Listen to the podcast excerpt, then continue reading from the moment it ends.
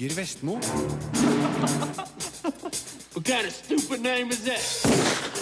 Raset av påskefilmer er over oss. I dagens Filmpoliti anmeldes fem av premierene, nemlig Jack the Giant Slayer, Eventyrland, Pitch Perfect, I Give It A Year og Stories We Tell. I tillegg skal Arild Østin Ommundsen forklare hvordan Eventyrland ble laga uten filmcrew. Rune Haakonsen forteller hvorfor Gears of War Judgment er en frisk vri på en kjent spillserie. Andreas Hatzel Opsvik skal synse om Kevin Bacons nye TV-serie The Following. Og sammen skal vi hylle Tommy Wirkola, som har hatt litt av ei uke. Filmpolitiet Fee, fi, fo, fum. Ask not whence the thunder comes. I rekka av nyfilmatiserte eventyr kan det gjøres hver ting enn det Bryan Singer har gjort med Jack the Giant Slayer. Filmen mangler kanskje sjarmen og eventyrlysten til en film som The Princess Bride, men underholdninga holdes på et konstant nivå med store effekter, fartsfylt handling og figurer det går an å heie på. Jack the Giant Slayer vil ikke gå inn i historien som en klassiker, men byr på et stort nok spetakkel til å tilfredsstille mitt ukentlige behov for effektrike actioneventyr. I like a good adventure. I'm looking for an adventure of my own. Det her er selvsagt en ny og større versjon av det gamle eventyret om Jock og bønnestengelen. Denne filmens Jack, spilt av Nicholas Holt, kommer i besittelse av magiske bønner. En av dem kommer i kontakt med vann og vokser umiddelbart til en gigantisk bønnestengel som raser opp i skyene og tar med seg prinsesse Isabel, spilt av Eleanor Tomlinson. Kongen, spilt av Ian McShane, sender et jaktlag opp i bønnestengelen for å redde henne, og Jack blir med. Men over skyene kommer de til gigantenes rike, og redningsoperasjonen skal bli både spennende og farlig. Det kan raskt konstateres at det her er en dyr og forseggjort affære. Bønnestengelen som vokser seg opp i himmelen er et imponerende syn, og de dataanimerte kjempene er også rimelig overbevisende. Bryan Singer og staben har skapt en stor og omfattende eventyrverden der det ikke er spart på noe. Budsjettet skal ha vært på 195 millioner dollar, og filmen ser virkelig ut som den koster så mye. Er like store filmer med store effekter, og Jack the Giant Slayer har det som trengs på det feltet. You sound surprised. Not at all. Persongalleriet er òg i orden, med Nicholas Holt og Eleanor Tomlinson som sympatiske helter. Ewan McGregor er staselig som ridder, mens Stanley Tucci fungerer godt som kongens svikefulle rådgiver. Men alle figurene er likevel litt for bleike og kjedelige. Her burde Bryan Singer og de fire manusforfatterne sprøyta inn litt skarpere dialog og litt mer sjølironi. Omgivelsene er eventyrlige nok. Hvorfor ikke ha det litt moro òg? Jack the Giant Slayer kunne altså vært bedre, men gudene skal vite at den kunne vært vær òg. Bryan Singer har nok erfaring til å vite hvilke knapper som skal trykkes på for å holde publikum underholdt. Jeg følte ikke kjedsomheten kom krypende på noe tidspunkt, men vil heller ikke ofre filmen mange tanker i ettertid. Figurene er for kjedelige, og handlinga for likegyldig til at Jack the Giant Slayer kan bli mer enn et pent filmeventyr. Who are you? It's Jack! Dette er Filmpolitiet på P3. Gears of War 1, 2 og 3 har vært kjempepopulære spill på Xbox og PC, og nå er det klart for en prequel i denne serien. Den heter da Gears of War Judgment, og blir anmeldt av eh, NRK P3 spillekspert Rune Håkonsen. You and your squad might have killed a lot of locusts today, Lieutenant. But this war has only just begun. Da Gears of War-trilogien ble avsluttet i 2011, var det ikke mange som trodde at det var plass til enda et spill. Kampen mellom Locust-romvesenene og menneskene, som førte til forferdelige tap av menneskeliv, var over. Marcus Phoenix så lyset i enden av tunnelen. Menneskeheten overlevde så vidt.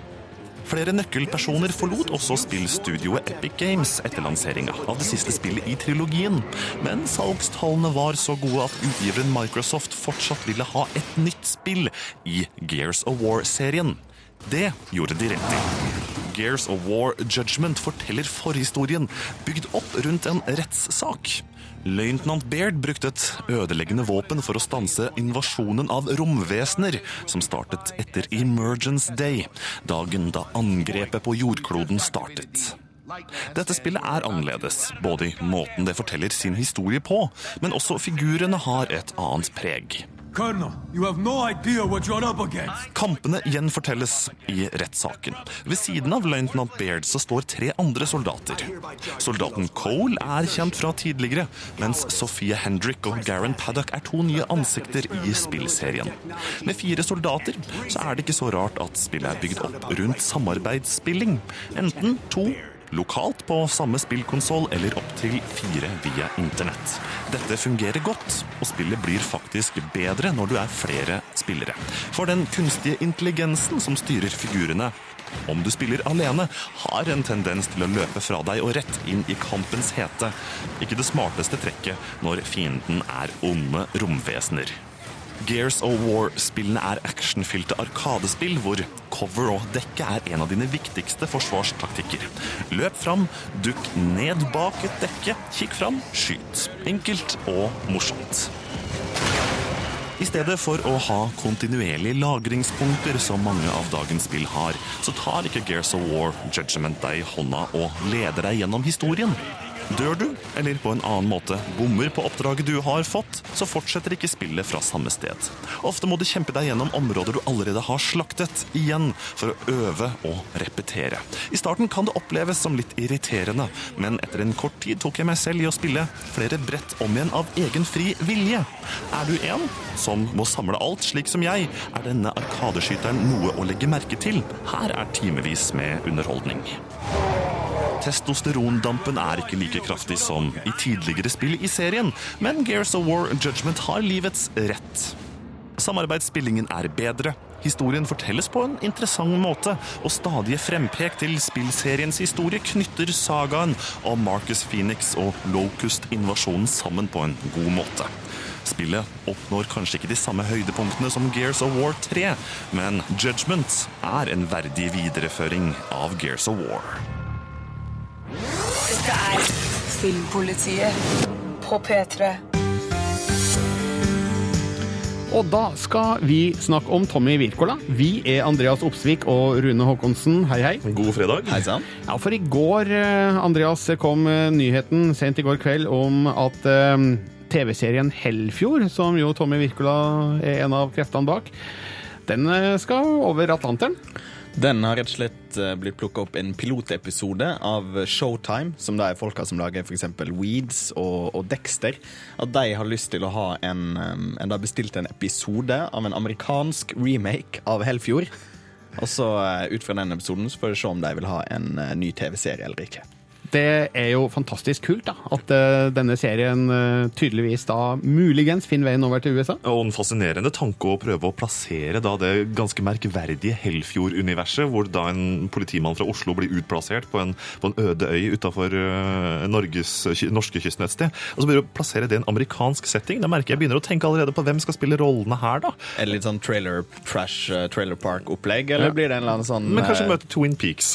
Ja, for eksempel. Blir det, blir det Alaska, liksom? Eh, altså, Vi husker jo TV-serien Det gode liv i Alaska, som gikk på Gjør vi 90-tallet. egentlig det? Eh, noen, noen gjør det, og det kunne jo vært en interessant setting for en eventuell eh, Hellfjord-serie i, i USA. Ja, det er jo ikke gitt at de, altså de norske skuespillerne skal jo i utgangspunktet ikke være en del av denne nye piloten, men, men Tommy Wirkola i hvert fall ser det ut til skal regissere piloten sjøl. Og skrive manus. Ja, og han har jo med seg på laget bl.a.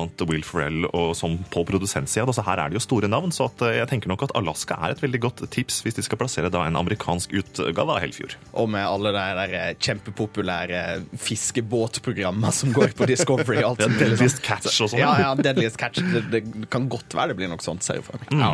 Nei, Utrolig morsomme nyheter, i hvert fall. Og så er det jo snakk om da en pilotepisode enn så lenge. Så får vi se om Showtime etter hvert bestemmer seg for å lage en hel sesong av det.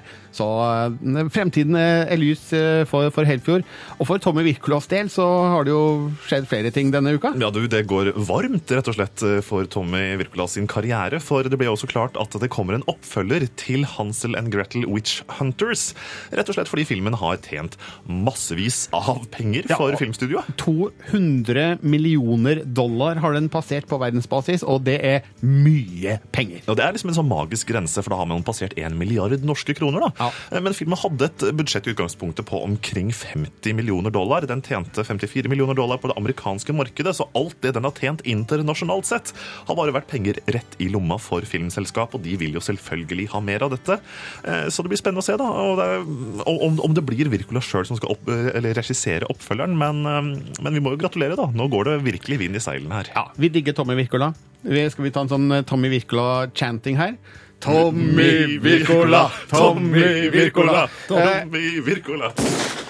En av årets påskepremierer er norsk. Den heter Eventyrland, er regissert av Arild Østin Ommundsen og blir anmeldt av Andreas Hatzel Opsvik. Eventyrland er ei historie om vonde sirkler og kaos. Filmens åpningsscene forteller effektivt om ung kjærlighet, ungt overmot og ung dumskap. Kjæresteparet Jenny og Frank skal utføre lyssky gjerninger, og mens de venter på en tredje gjerningsmann, forklarer Jenny at hun er gravid. Begge deg og en kid. Hvorfor ikke? Plutselig ender brått det som skulle være starten på et liv i ro og fred. Alt igangsatt av en ryggsekk med ulovligheter og ei henslengt hagle. Ti år etter kommer Jenny ut fra fengselet, med ei datter hos fosterforeldre, og et liv langt ifra det hun i noen timer drømte om. Jeg er mora hennes. Jeg vil ha hun hos meg. Filmskaper Arild Østin Ommundsen er kameramann, lysmann, klipper og regissør, noe som skaper ei egen stemning i det menneskelige dramaet. Filmens midtpunkt er Silje Salomonsen, som spiller si rolle både sårt og hardt. Vekslingen i historien til Ommundsen tvinger Jenny til å være både elskende mor og beskyttende kvinne. Og de to avløser hverandre ypperlig etter hvert som Jennys historie utspiller seg. Jeg har sonet min dom. Jeg har betalt for det. Kjære deg, du har ikke noe valg. Det er blandinga av nær hverdagslige irritasjonene og gledene til skuggesidas redsel og pinsle, gjennom en bråte harde kriminelle, tilsynelatende uten skrupler. Da jeg gikk ut av kinosalen, visste jeg ikke helt hva jeg mente om denne historien. Etter hvert kjente jeg det slukna håpet og den brennende iveren som den la igjen. Avtrykket inni hodet mitt som scenen hadde lagd, de tenkte merker som skarpe albuer hadde skapt i sida mi, ja. Denne filmen satte spor i meg, og jeg håper den gjør det samme for din del. Dette er Filmpolitiet på P3. Eventyrland har fått terningkast fem fra Andreas Hatzel Opsvik på p3.no filmpolitiet. Den er altså laga av Arild Østin Ommundsen, regissøren bak filmene Mongoland, Monster-torsdag, Rottenetter og Knerten i knipe. Men mens filmene hans tidligere har blitt gradvis større og dyrere, er Eventyrland omtrent et nedstrippa one-man-show.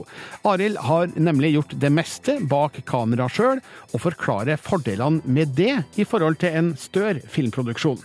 Det er liksom en sånn greie at det, eh, det er tidspress eh, fordi det koster hvert minutt koster utrolig mye penger. Så tenkte jeg liksom Det vi vil ha nå, det, vi driter i det. Vi vil ha liksom luksusen til det å jobbe akkurat så lenge vi vil, over så lang tid det tar, gjøre akkurat det vi vil når som helst i et år. Sant? Og da eh, var på en måte eneste fornuftige løsning på det var å eh, å, å kutte utgifter bak kamera, da, sant? men ikke foran kamera. Sånn at liksom skuespillerne har, eh, har fått eh, eh, bra betalt, bedre, eller like bra og gjerne vel så det som på en, på en eh, normal norsk eh, spillefilm.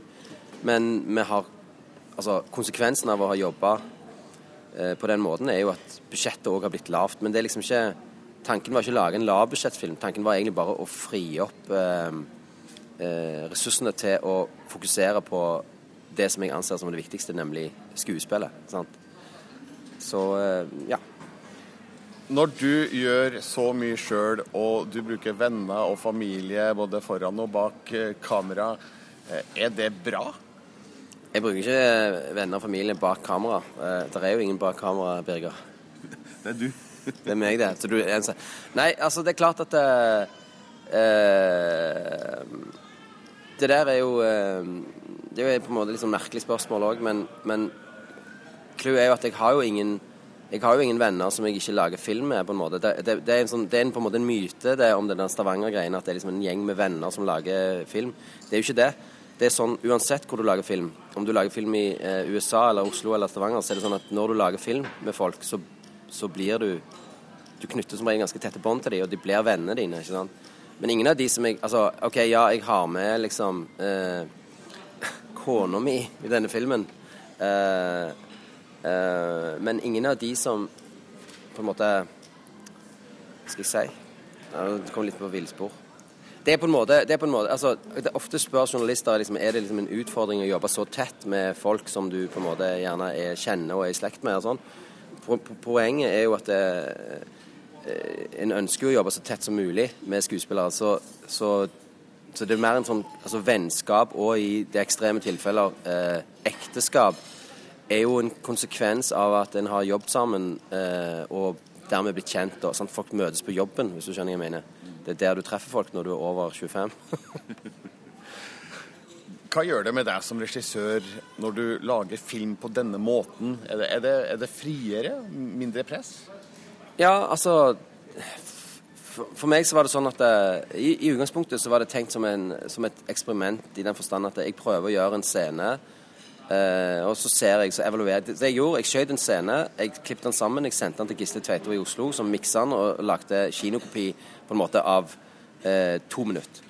Viste den til kolleger eh, som sa what the fuck? Lagd det sjøl, det kan vi ikke se, det kan vi ikke høre. Så tenkte jeg OK, men da, eh, da er vi der, da kan vi liksom få det til å funke. Og så merket jeg da at det, det, det, det skjedde noe med innspillingen som, eh, som jeg aldri hadde vært i nærheten av før. Altså en, det var liksom en realisme på gang eh, i skuespillet, og, må, og det begynte vi å ta konsekvensen av når vi jobbet. Og det vil si at vi Altså Skuespillerne er på en måte i karakter gjerne i en time eller to eller tre, og de, og de spiller Eller de spiller ikke, de er hele veien.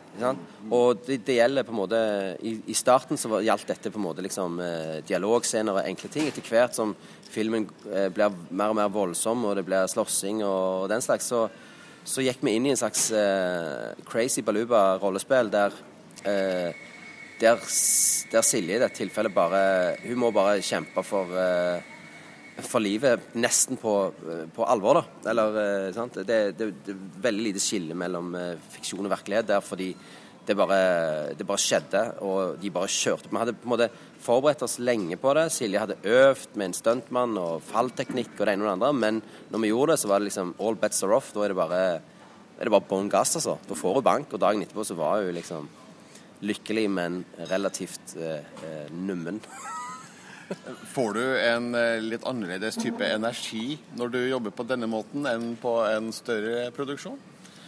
Altså, for meg så har det, har det ikke så mye å si om jeg får det eller ikke, men om publikum får det. Og det som, nå, det som har vært tilbakemeldingene til nå, er at folk ser ei, merker en nerve og en tilstedeværelse som, som, de, som de ser, som de bemerker. Som jeg tenker eh, Det er jo grunnen til at det, det er gjort på den måten. Å prøve å gjøre det annerledes. Gjøre det friskere, mindre stivt ikke få den der eh, liksom koreograferte feelingen over, uh, over ting, men at ting at det, det skal oppleves mest mulig som om det er noe reelt som skjer. ikke sant?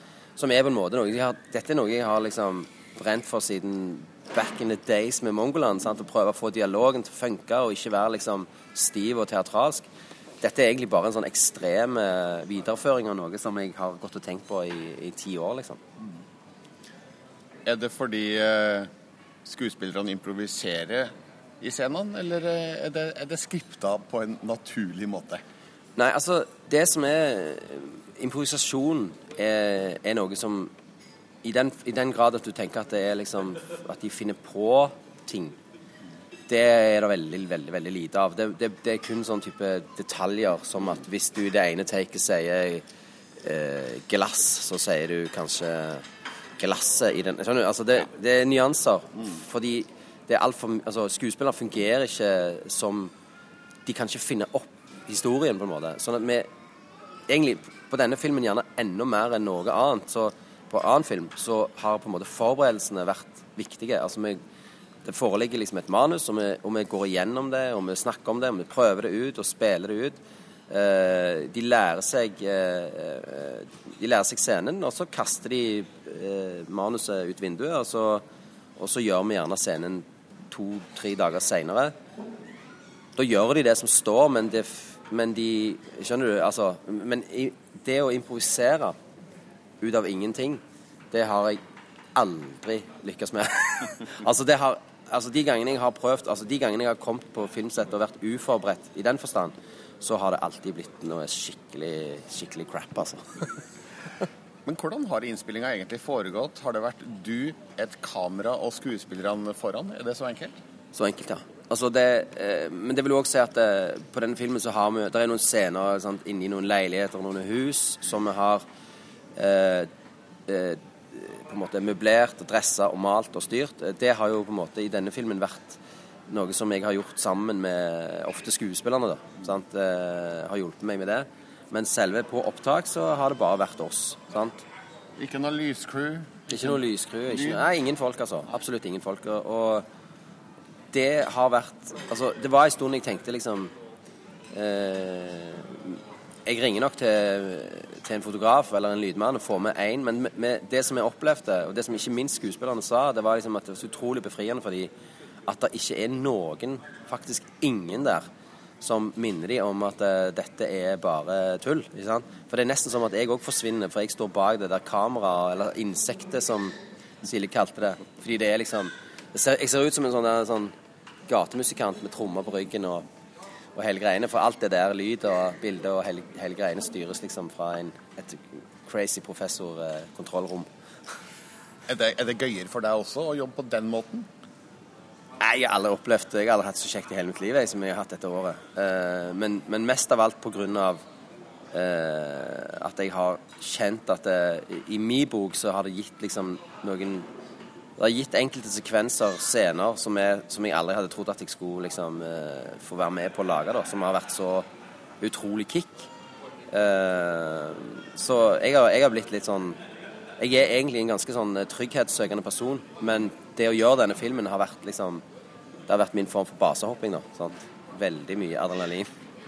Ja, fordi Fordi at For eksempel da at vi gjør Hvis vi gjør en scene der eh, på gata der eh, noen slemme folk banker opp en snill mann, så gjør vi det på en sånn måte at ingen merker at det er fake. Det vil si at i det tilfellet der så kommer liksom naboene ut og, og skal ringe til politi, og biler stopper, og du blir jo sant Du får litt sånn outlaw-feeling av hele greia, fordi at det, det som skjer, er det som skjer.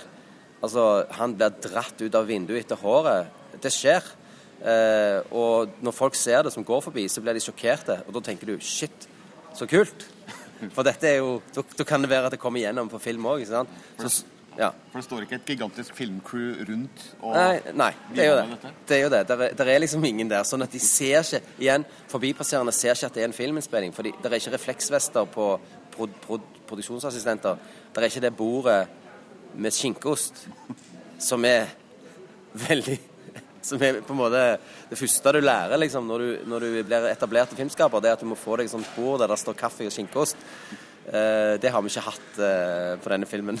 og det er en annen ting. Det som skuespillerne har bemerka, at det blir ofte sagt i intervjuer sånn at det, det, er mye venting i film. Og tydeligvis, og veldig mye frysing òg, tror jeg. Virker som folk er kalde, og de venter.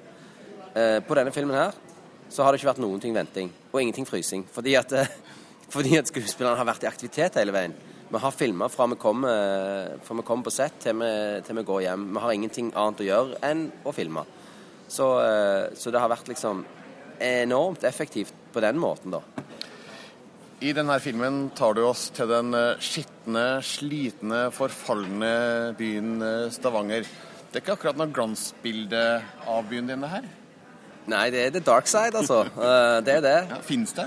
Ja, definitivt. Det gjør han jo. Og, og men han, han, er i ferd med å forsvinne. Altså Rent bokstavelig talt. En del av de stedene vi filma denne filmen på, de husene vi filma i eh, Når jeg kom tilbake nå eh, for en måned siden, så var de vekke. Altså De var, helt, de var jevna helt med jorda. Og der kommer det da selvfølgelig nye, nye leiligheter og sånn. Og, eh, men det er klart at i en by som Stavanger, som, som har veldig mye veldig rike folk, så finnes det jo òg noen folk som ikke har så mye. Sant?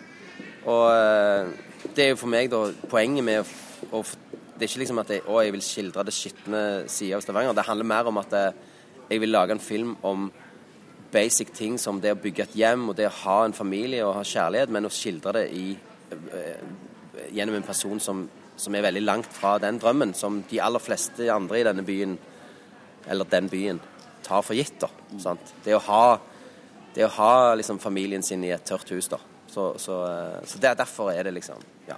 Ja, Da er vi over på ideen eh, bak filmen. Hvor kom den fra? Den kom faktisk fra Altså, ideen til filmen kom en dag jeg satt eh, på, eh, på, kjøkkenbordet og så dattera mi gå til skolen, og kjente en sånn lite sånn rush av lykkefølelse.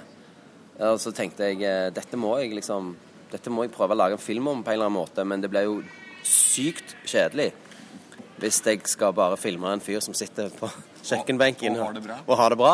Så da, så da begynte jeg liksom å tenke på at eh, OK, er, hvordan kan jeg ta en person og, og skyve den veldig langt vekk fra den drømmen, da. Og da endte jeg opp med at hun, eh, hun, hun eh, skyter sin egen kjæreste den dagen hun finner ut at hun er gravid med han, og havner i fengsel. Og, og kommer ut på en måte ti år seinere og må eh, prøve å hugge seg et hull i virkeligheten som hun kan bo i. Så ja. Men å spinne videre fra den ideen og til en, eh, en eh, ordentlig historie, altså hvordan foregikk det arbeidet? Raste historien ut på en helg, eller brukte du lengre tid?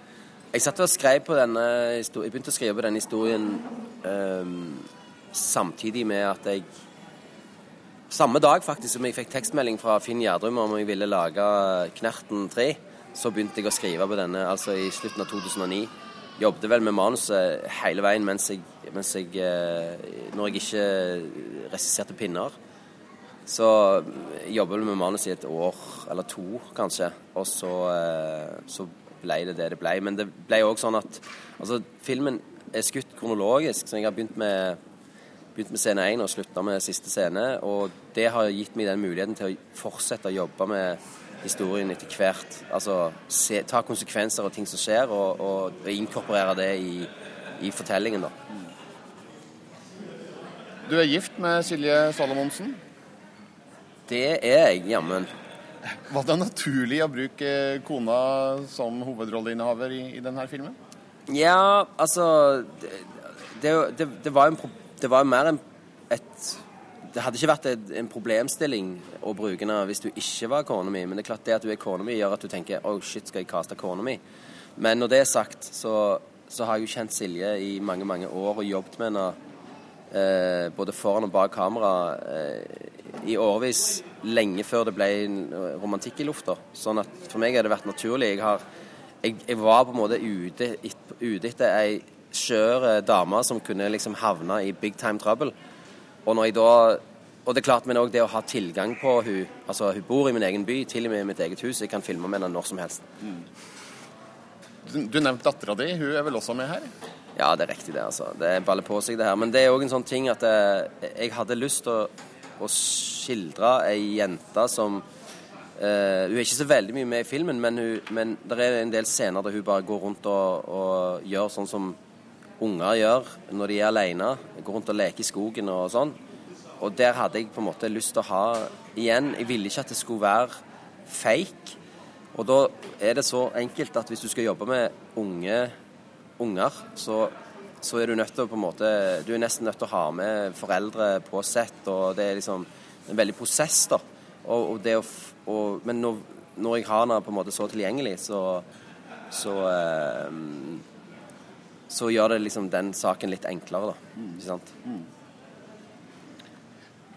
Er denne filmen eh, også en slags reaksjon på de forrige filmene du har laga? Altså 'Rottenetter' var jo en stor produksjon. Eh, mye blest omkring den, og lunkne anmeldelser, eh, mm. dårlige besøkstall.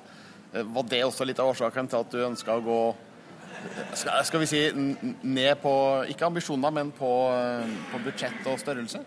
Ja, altså det Helt klart at det, det, var en, eh, en smell for meg å, å gå på det der med Rottenetter, som, som ikke så mange folk likte. Merkelig nok så ble han liksom eh, nominert til beste regi litt seinere, men det var sånn det er. Noen liker mora, og noen liker ikke mora.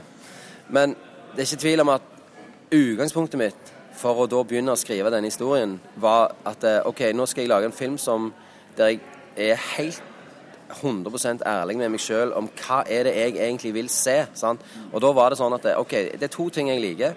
Det ene er filmer som The Notebook og Onsdagsfilmen. Filmer som tar tak i følelsene, og som handler om de vare ting. Men jeg er òg veldig fan av alt som inneholder Steven Segal og Vin Diesel og, og, og den, den greiene der. Death Wish og sånn. Og så tenkte jeg OK, hva om jeg, hva om jeg lager min drømmefilm, da? Som er liksom å ta det der emosjonelle greiene og kaste det inn i en sånn eh, I et univers der, eh, der Steven Segal egentlig kunne ha dukket opp. ikke sant?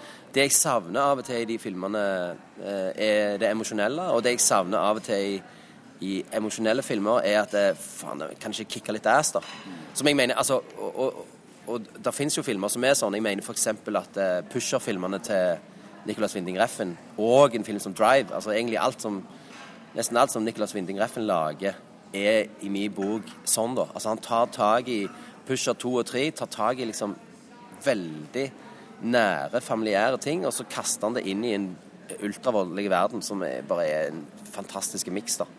Så det var egentlig det. altså Vær helt ærlig med deg sjøl og tenke hva vil jeg se på kino? Altså, hva vil jeg trykke ned i hodet på folk på kino? Og, og, og prøve å gå etter det, da. Og ikke tenke liksom markedsandel eller det ene eller andre. Bare være liksom oppriktige, da. Er, er, det, er det noe igjen av han som regisserte Mongoland for 12-13 år siden? Altså, har du ja, Jeg hørtes kanskje suspekt ut, det spørsmålet, men uh, jeg tenker mer på uh, Føler du noe slektskap til deg sjøl som regissør nå i forhold til den gangen? Ja, altså Det er en sånn ting som, som nå er veldig var profetisk, da. Og det er det at eh, Og jeg tror du til og med var i, i eh, Du, Birger, var nok i nærheten når dette skjedde. Men før Mongoland hadde premiere, så, så drev meg og Kristoffer Joner og mingla i baren på Maritim for å treffe kinosjefer. Vi hadde hørt at det var der de var. De er i baren på Maritim etter klokka tolv. Eh, og Joner gikk rundt der og pusha den Mongoland-filmen så hardt og lenge. Altså en type Ta med deg denne VHS-en, se denne filmen. Eh, uansett. Lang historie. Men eh, på kvelden, da, når vi var ferdige og alle kinosjefene hadde gått og lagt seg med en VHS i lommen, så, så står jeg med liksom armen rundt Kristoffer og ser utover Smeasund og sier en dag, Kristoffer, hvis vi lykkes, så kommer vi til å savne dette. Vi kommer til å savne liksom Hva er du snakker om? Jeg snakker om friheten, liksom. Snakker om det friheten til å gjøre akkurat hva faen vi vil. Eh, og bare fortelle den historien vi vil, og fuck it, liksom. Eh, og det var et sånn øyeblikk av sånn, sant, litt sånn der eh, pompøs eh, profetisk eh, innsikt, men som jeg nå har tenkt mye på seinere, at eh, jeg hadde, jeg hadde rett, da. Den Arild fra 2000 hadde rett. Det kommer jeg til å savne, og nå har jeg tatt den konsekvensen av det og, og tatt, tatt det tilbake. Er det, er det noe du kommer til å gjøre mer av, tror du? Eller eh, ønsker du heller at Filmfondet skal kaste millioner av kroner etter det? ja, selvfølgelig vil jeg at de skal kaste penger på meg. Men eh, nei, altså Jeg tror at de erfaringene jeg har gjort med denne filmen, kan jeg glatt ta inn i hvis jeg skal lage en film en gang med, med et stort crew. Det, det er ikke egentlig det det er snakk om. Det er mer holdningen til Holdningen til, til skuespill og, og virkelighet som har på en måte for meg fått seg en solid boost. da, Som jeg tror at jeg kan Jeg merker når jeg viser filmen til eh, fotografer, så blir de inspirerte av det. De, de ser at det, OK, du er kanskje, du er kanskje ikke ikke, ikke samme utdannelsen som oss, men du gjør noe her som vi òg egentlig vil. Sant? Og, og så, så sånn sett så tenker jeg at egentlig ett fett, altså. Én mann eller 40, det, er- det samme. Det, altså, du må tilpasse deg den filmen du skal lage, da. Ja. Jeg kunne jo ikke lagt Knerten i knipe alene. Det er helt utenkelig. Ja, mens vi, med det samme vi er inne på det, dette var jo mellom Rottenetter og Eventyrland. Eh, Knerten i knipe, det var vel noe overraskende for eh, enkelte at du skulle gå hen og lage en Knerten-film? Ja, det var jo det. Det var overraskende for meg sjøl òg. Eh, som sagt, det var en sånn Det var en ting som oppsto litt sånn ut av det blå eh, når jeg tenkte at eh, nå, nå vil ingen eh, nå vil ingen jobbe med meg mer. Men uh, så, fikk jeg på en måte muligheten til det, og det var jo på sitt vis veldig forfriskende, da. sant? Uh, selvfølgelig også kult å, liksom, Når du da har hatt en film som gikk dårlig på kino, så er det kult å lage en film som blir liksom, sett av uh, sant, 350 000, eller hva det var for noe. Mm. Det gir det jo en slags form for Ah, OK. Ja, deilig å bare få jobba litt? Ja, ja. Det er også selvfølgelig. Ikke minst det. At hver ting du lager, så utvikler du deg jo. ikke sant? Og, og veldig mye av det som jeg på en måte opplevde med å, å lage en så Hva skal jeg si eh, Det er jo den minst personlige filmen i den forstand at jeg har ikke skrevet manus, og har, det er en del av en Og det er òg basert ikke minst på eh, Anne-Kat. Vestly, sånn at jeg må forholde meg til, til Vestly-universet, og, og, ikke på en måte pådytte det en sånn eh, Ommundsensk eh, darkness der. Det går ikke. Sånn, så, så, det er lærerikt òg. Altså det å liksom eh, Det å, å, underlegge seg andre sin eh, visjon, da. Så ja. Eh, det var en fin eventyrfilm, men det var kanskje ikke noe eventyrland? Nei, er fra spøk til alvor. Altså, 'Eventyrland' heter jo filmen, men eh, innholdet er jo alt annet enn eh, det. Eh, har du noen tanke bak tittelen? Ja, det er jo det at tittelen for meg representerer på en måte drømmen som, som denne dama har, da. Det hun drives eh, av. Altså eh, hun, hun, har et ønske om noe som kanskje i den verden hun er, er bare et eventyrland. ikke sant? Det, men det er nå det. Det er nå det som Det er det hun eh, jobber mot, og det er det som gjør at hun eh, eh, tar, opp, eh, tar, opp, kampen mot diverse krefter. Mm. Det er jo din andre landfilm, åpenbart. Er det et pek tilbake til den første, eller tilfeldig? Det er nok ikke tilfeldig, altså. Det er nok eh, eh, de, er, de, er, på en måte i slekt, da. Sant? Eh, på en eller annen måte så er de det, altså. Eh, de to filmene. Eh, eh, der på en måte kanskje Nei, Det er vanskelig, vanskelig å vite sånn sjøl, men det må ha vært en grunn til at det, det, ble sånn. Og det er nok antagelig fordi jeg føler at det er nok et slektskap. Det er nok et større slektskap mellom, mellom, de to første filmene jeg lagde, og denne, enn de to filmene jeg lagde sist. Nå skal altså 'Eventyrland' ut på, på kino. Eh, hvordan, føles, hvordan, føles, det etter så lang tids jobbing? Nei, det føles egentlig eh, veldig bra fordi altså denne gangen så kjenner jeg at uh, altså På de testvisningene som vi har hatt, så kjenner jeg at det, det, det ser ut som at folk, folk, kan like det. Og da er det jo bare kjekt. Og det, jeg kan med hånda på hjertet si at shit, jeg er stolt av dette greiene her. og uh, det, det, altså det er med, Da er det ikke så vanskelig å lansere det. Det er verre hvis du, hvis du tenker at det, kanskje ingen kommer til å ha noe utbytte av dette. Så, ja. Føler du at det er litt sånn make or break igjen? Det er alltid det, tenker jeg. Det har vært sånn siden dag én for meg at det er, liksom, det er den siste filmen du lager, antagelig. Eh, så sånn er det, sånn er det, liksom. Det er jo Det er harde tider. Men er det en litt god følelse også?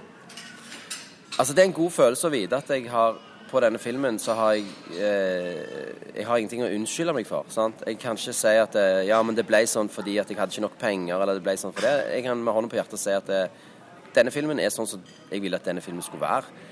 Og hvis, hvis folk ikke liker den, så er det en streit sak. Men, eh, men, det er en god følelse å vite at, det, at, det, at det, ikke noe, det er ikke noe unnskyldning her. Det er ikke noe sånn åh, hadde jeg bare, hadde jeg bare.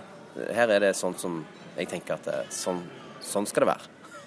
Det sa Arild Østin Ommundsen, regissøren av premierefilmen 'Eventyrland'. Filmpolitiets Andreas Hatzel Opsvik har gitt eh, filmen terningkast fem, og kaller det en film som setter spor. Les hele anmeldelsen på p3.no filmpolitiet. Her og nå får du min dom over eh, Pitch Perfect. Hi, any interest in joining our music group? We sing songs without any instruments. It's all from our mouths. Yikes. Pitch Perfect hadde kanskje ikke eksistert uten TV-serien Glee og dens gjenoppliving av a cappella-sjangeren. Det her er en ting for tida, og det forsøker denne filmen å kapitalisere på. Resultatet kun vært vær, sjøl om det heller ikke er en ny ungdomsklassiker. Den gjør seg en liten bjørnetjeneste ved å bruke filmen The Breakfast Club fra 1985 som et poeng i historien. Det minner meg nemlig om hvor mye bedre den var til å skildre ungdoms tidløse problemer med å passe inn.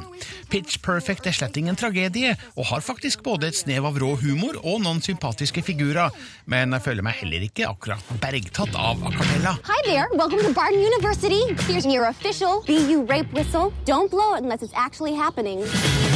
Den aspirerende DJ-en Becca, spilt av Anna Kendrick, begynner på college, der det nærmeste hun kommer musikkdrømmen, er å bli med i skolekoret The Barden Bellas.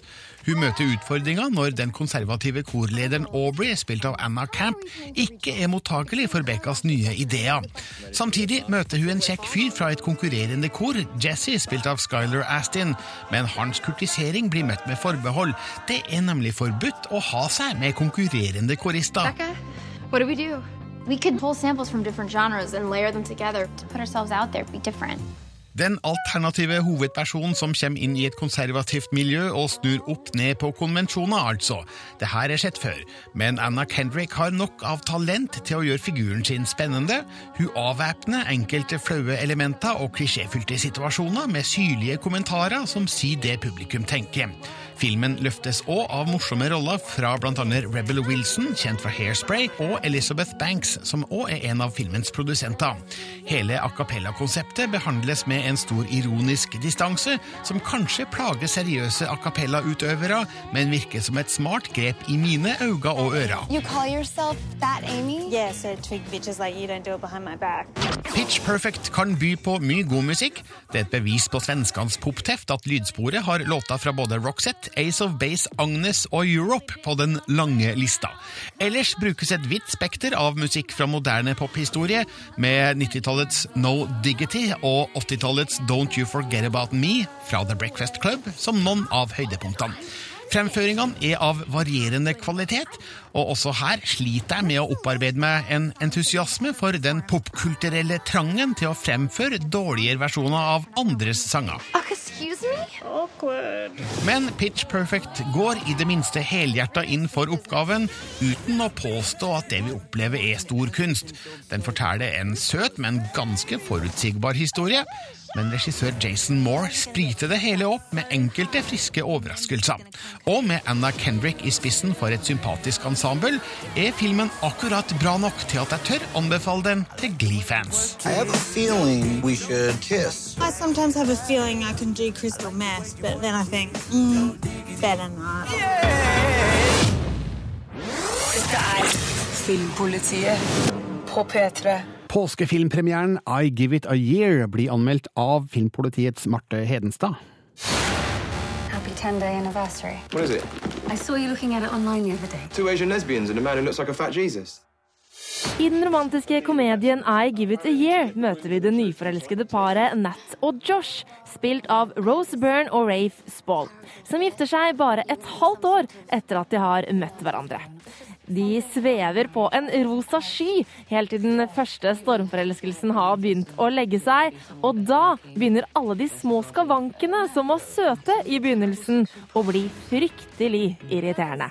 Og når begge to i tillegg har møtt menneskene som er deres perfekte motpart, med alle de kvaliteter og egenskaper de ser etter i en partner, føles ikke ekteskapet så flott ut lenger. It's just your type, really. Toppen av lista over beste romantiske komedier gjennom tidene er full av eh, britiske filmer. Britisk humor blanda med søt forelskelse er ofte en hit, og det er noe Dan Mazer, mannen bak filmen, er fullstendig klar over. Så romantisk, akkurat som en New Grant-film, sier en kollega av Nat når hun forteller om bryllupet i filmen. Men eh, I Give It A Year er ingen ny Notting Hill eller fire bryllup og en gravferd. Jeg kan likevel konstatere at dette absolutt er et godt bidrag til romkomsjangeren. Filmen er søt, klein, morsom og flau om hverandre, med en liten overvekt av kleine øyeblikk. Oh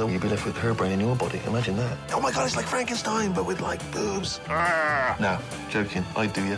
Rose Byrne og Rafe Spall overbeviser som et par som ikke tåler trynet på hverandre, og Anna Farris og Simon Baker er sjarmerende i sine roller som drømmepartnerne.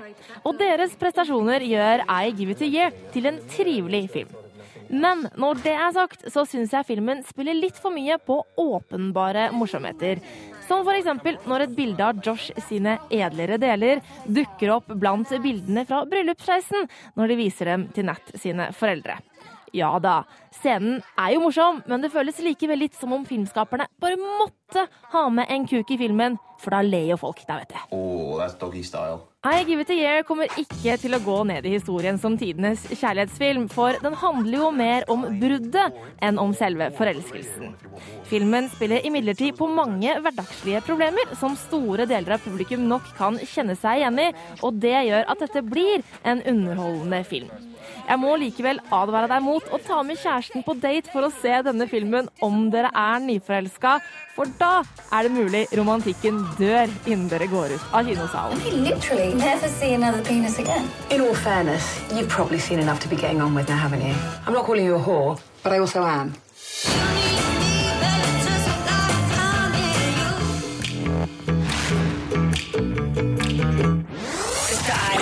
Filmpolitiet på P3. Hallo, Andreas Hatzel Opsvik. Hei sann, Birger Vestmo. Som jeg sa før låta, det skal handle om serien The Following med Kevin Bacon i hovedrollen. En god gammel kjenning fra, ja, fredag den 13. For eksempel. Fra Footloose, fra Jeg kan nevne en rekke gamle filmer han har vært med i. Han, den- han har vært med fryktelig masse, det er jo det som er så gøy. Han har vært med i alt mulig forskjellige sjangre og, og varianter. Ja, men stort sett på kinolerretet. Hvordan fungerer Kevin Bacon eh, på TV? Kevin Bacon isolert sett fungerer kjempefint uh, da, i, i eh, TV-serien The Following, der han spiller en litt sånn ja, en alkoholisert eh, eks-FBI-agent. Så det er jo litt sånn tradisjonelt uh, sånn sett, men vi, vi kan jo høre litt lyd. Sarah Fuller? What's going on? Joe Carroll. He escaped from prison earlier this morning. I'm sorry, he what?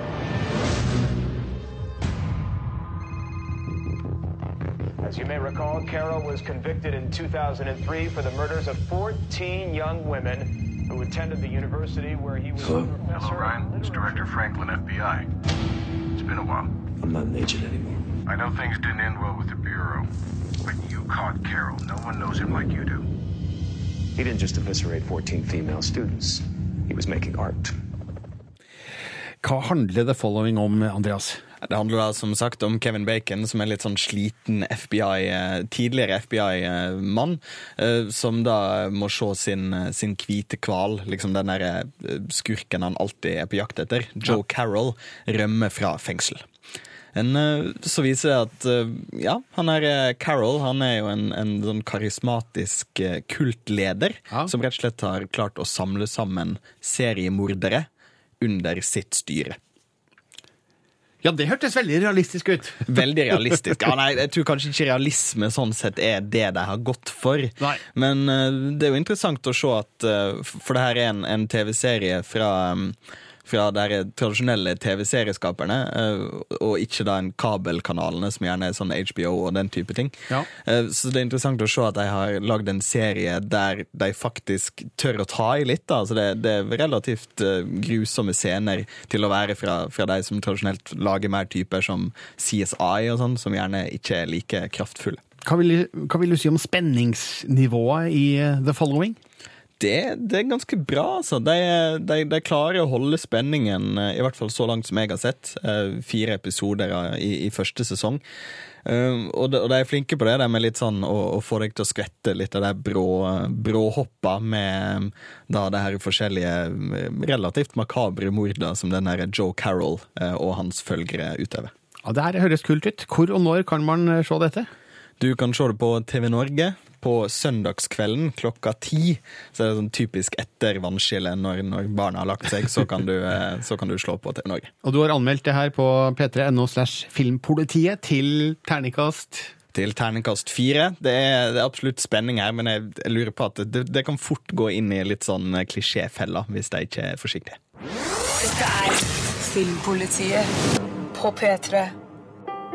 Dad, can you just go back over that one line? I was being so real. Kanadiske Sarah Polly må nyte full tillit innad i sin familie. Hun utleverer dem nemlig, og seg sjøl, i dokumentarfilmen Stories We Tell. Det er et særdeles åpent og ærlig innsyn i familiens innerste anliggender, og spesielt hennes avdøde mors hemmeligheter. Jeg føler et snev av kikkermentalitet mens jeg ser filmen, men mest av alt en enorm interesse for historien som rulles opp. Stories We Tell er et flott dokumentarisk drama om høyst menneskelige erfaringer, relasjoner og reaksjoner. Filmen begynner med å vise de forskjellige familiemedlemmene før intervjuene starter. Vi ser dem før garden senkes, før de blir tvunget til å fortelle. Så begynner Sarah Polly å spørre dem ut om hvordan de husker begivenhetene. Disse intervjuene, kombinert med gamle bilder og Super 8-opptak, kaster lys over hvem mora var, hennes tanker, drømmer, kjærlighet og til sist hva som på et tidspunkt drev hun til utroskap. Hva var det som fikk denne kvinnen til å sette familielivet på spill, og hvem er egentlig Sarahs biologiske far? She like me. Got that little straight nose. Yeah, definitely. Flere interessante figurer lar seg intervjue, annet Michael Polly, Sarahs far. Han er også filmens fortellerstemme og leser fra sine egne memoarer, som vi ser Sarah instruere innlesinga av. Hennes søsken, slekt og familievenner forteller også imponerende detaljert om hvordan de husker begivenhetene fra mange år tilbake, og tegner et fargerikt bilde av ei spennende kvinne, Sarahs mor. Noe av det mest interessante ved filmen er hvordan de ofte husker vidt forskjellig, og hvordan tida filtrerer bort detaljer ulikt fra person til person. Filmen balanserer på en delikat line mellom smakfull og smakløs. Sarah Pollys mor er jo ikke her til å fortelle sin versjon av det som skjedde, men jeg oppfatter at hennes historie skildres med kjærlighet og respekt for hvem hun var og valgene hun tok. Sjøl om filmen har en sterk utleverende karakter, får jeg òg følelsen av at Polly heller igjen på enkelte områder, noe hun òg bekrefter i et av de få intervjuene hun har gjort om filmen. Det er vanskelig for oss i Norge å forestille oss hvor mye Sarah Polly sjøl risikerer ved en slik blottlegging. Hun er en av Canadas største skuespillere og regissører, og et viktig mål for landets sladderpresse. At hun velger å belyse sine familieforhold i denne dokumentarfilmen, kan sammenlignes med om f.eks. Aksel Hennie skulle gjort det samme her i Norge. Det her er modig på alle måter, og Polly gjennomfører filmen med bravur. Den har en imponerende nerve og forteller ting om familieforhold som mange kan relatere seg til. Men jeg får ikke inntrykk av at det ligger et spesielt ønske om offentlig blottlegging bak. Jeg tror Sarah Polly bearbeider sin egen bakgrunn slik hun kan best, nemlig gjennom film. This is a great story. This is a great, great story. Dette er Filmpolitiet på P3. What made you stop singing? You must understand, I was someone once. Regidebutant Dustin Hoffman har samlet et stjernelag av britiske skuespillere i Kvartetten. En varm fortelling om alderdom, bitterhet og kjærlighet. Dame Maggie Smith i rollen som operastjernen Jean Horton flytter til Beecham House, et hjem for gamle musikere. Der bor også tre gamle bekjente hun fremførte Giuseppe Verdes berømte opera Rigoletto sammen med. Når hjemmet skal samle inn penger til videre drift under sin årlige gallaforestilling, blir de fire tvunget til å konfrontere gamle minner og ondt blod. This is the first time we've seen each other in God knows how many years. 97. Is it really that? Fra første stund i filmen Kvartetten strømmer berømte klassikere ut på filmens lydspor, og referanser til den klassiske musikkens historie sitter løst. Men det hele er retningsløst, og uten inngående kjennskap til opera går mye rett over hodet. Hoffmann forsømmer en gyllen mulighet til å formidle den samme musikkgleden mange av filmens figurer forfekter. This is not a retirement home. Både Maggie Smith og Tom Courtenay sistnevnte i rollen som operasangeren Reginald Paget, er skuespillere som tilfører rollefigurene sine både varme og dybde. Deres forhistorie rører meg, og møtene mellom dem står alene for de fleste av filmens høydepunkt. Også i kvartetten finner vi den skotske komikeren Billy Connolly i rollen som operasangeren Wilfred Bond, som etter et mildt slag har mistet noen hemninger og lirer av seg frekke replikker om sykepleiernes rumper i høyt tempo. Bond er også en sympatisk figur, en artig type som skaper liv og røre på gamlehjemmet. Men de stadige referansene til fising, penisallegorier og stramme sykepleieruniformer blir rett og slett for mye. Dustin Hoffman debuterer som regissør med Kvartetten, men det er ingen knallstart på en ny regikarriere. Filmen vingler mellom å skildre de mange sterke personlighetene på gamlehjemmet og den nært forestående konserten som skal redde videre drift av Beecham House.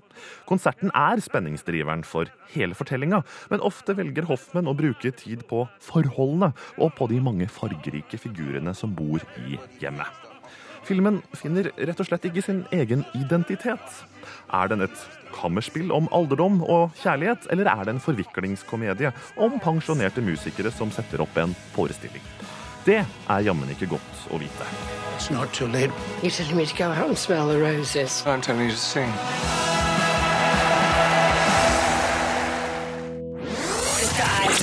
Filmpolitiet på P3.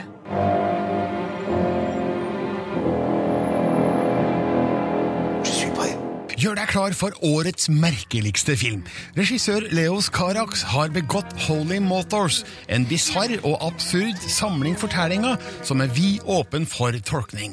Hva alt betyr, hvis det betyr noe, er opp til hver enkelt å bestemme. Jeg mores og besnæres av de skrudde figurene, de merkelige hendelsene og de styggvakre scenarioene. Holy Motors inneholder noen bilder jeg aldri kommer til å glemme.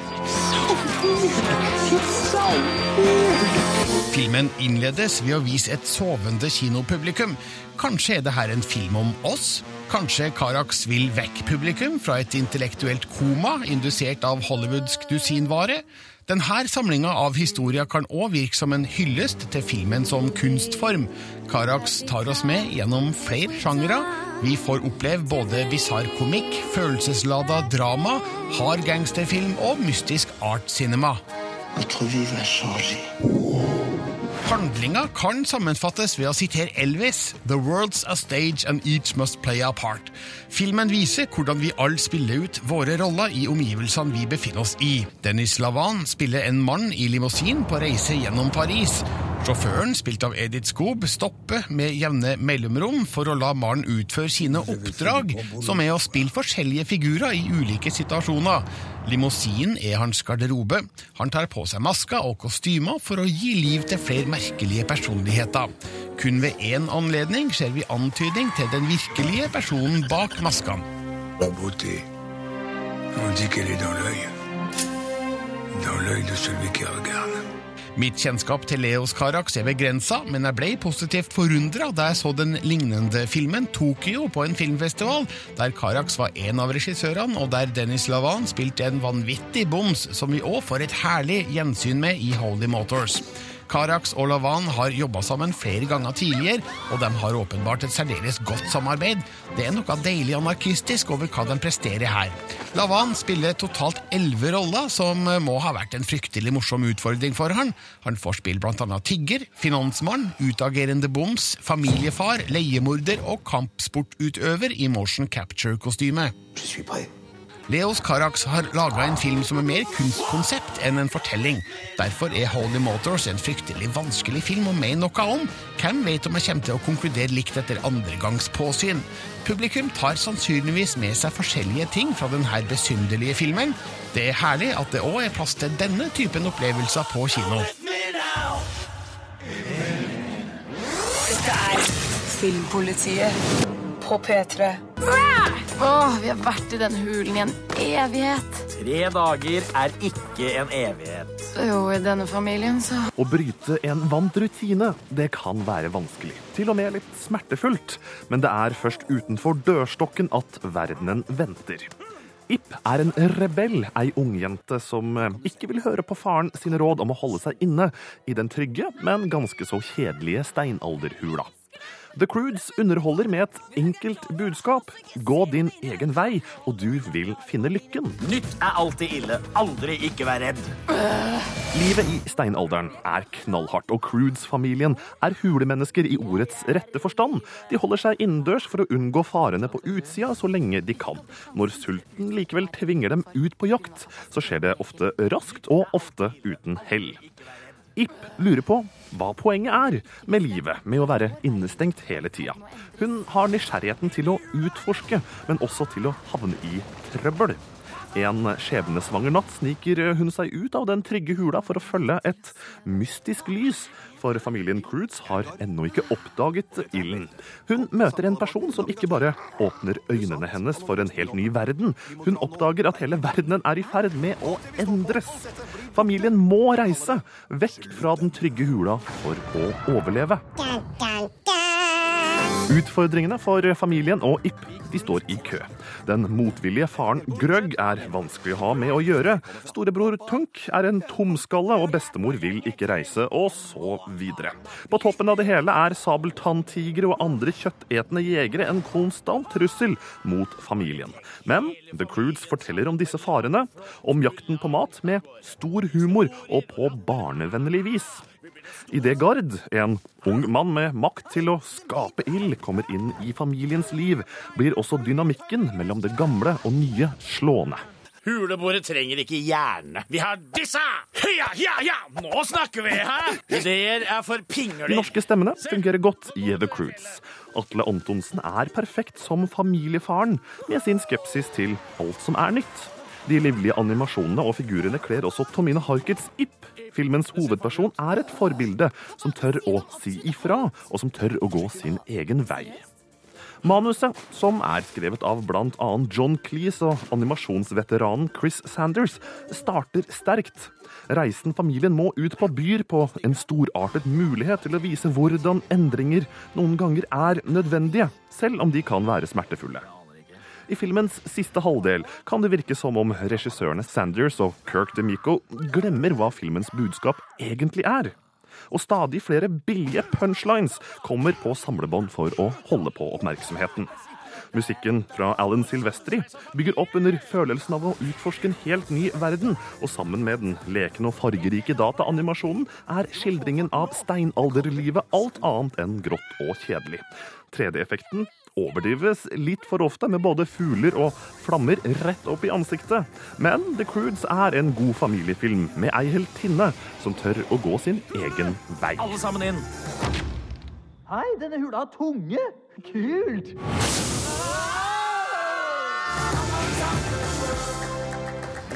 Dette er Filmpolitiet på P3. Du hører nå en podkast fra NRK P3. Hent flere podkaster fra NRK på nettsiden nrk.no podkast. NRK P3.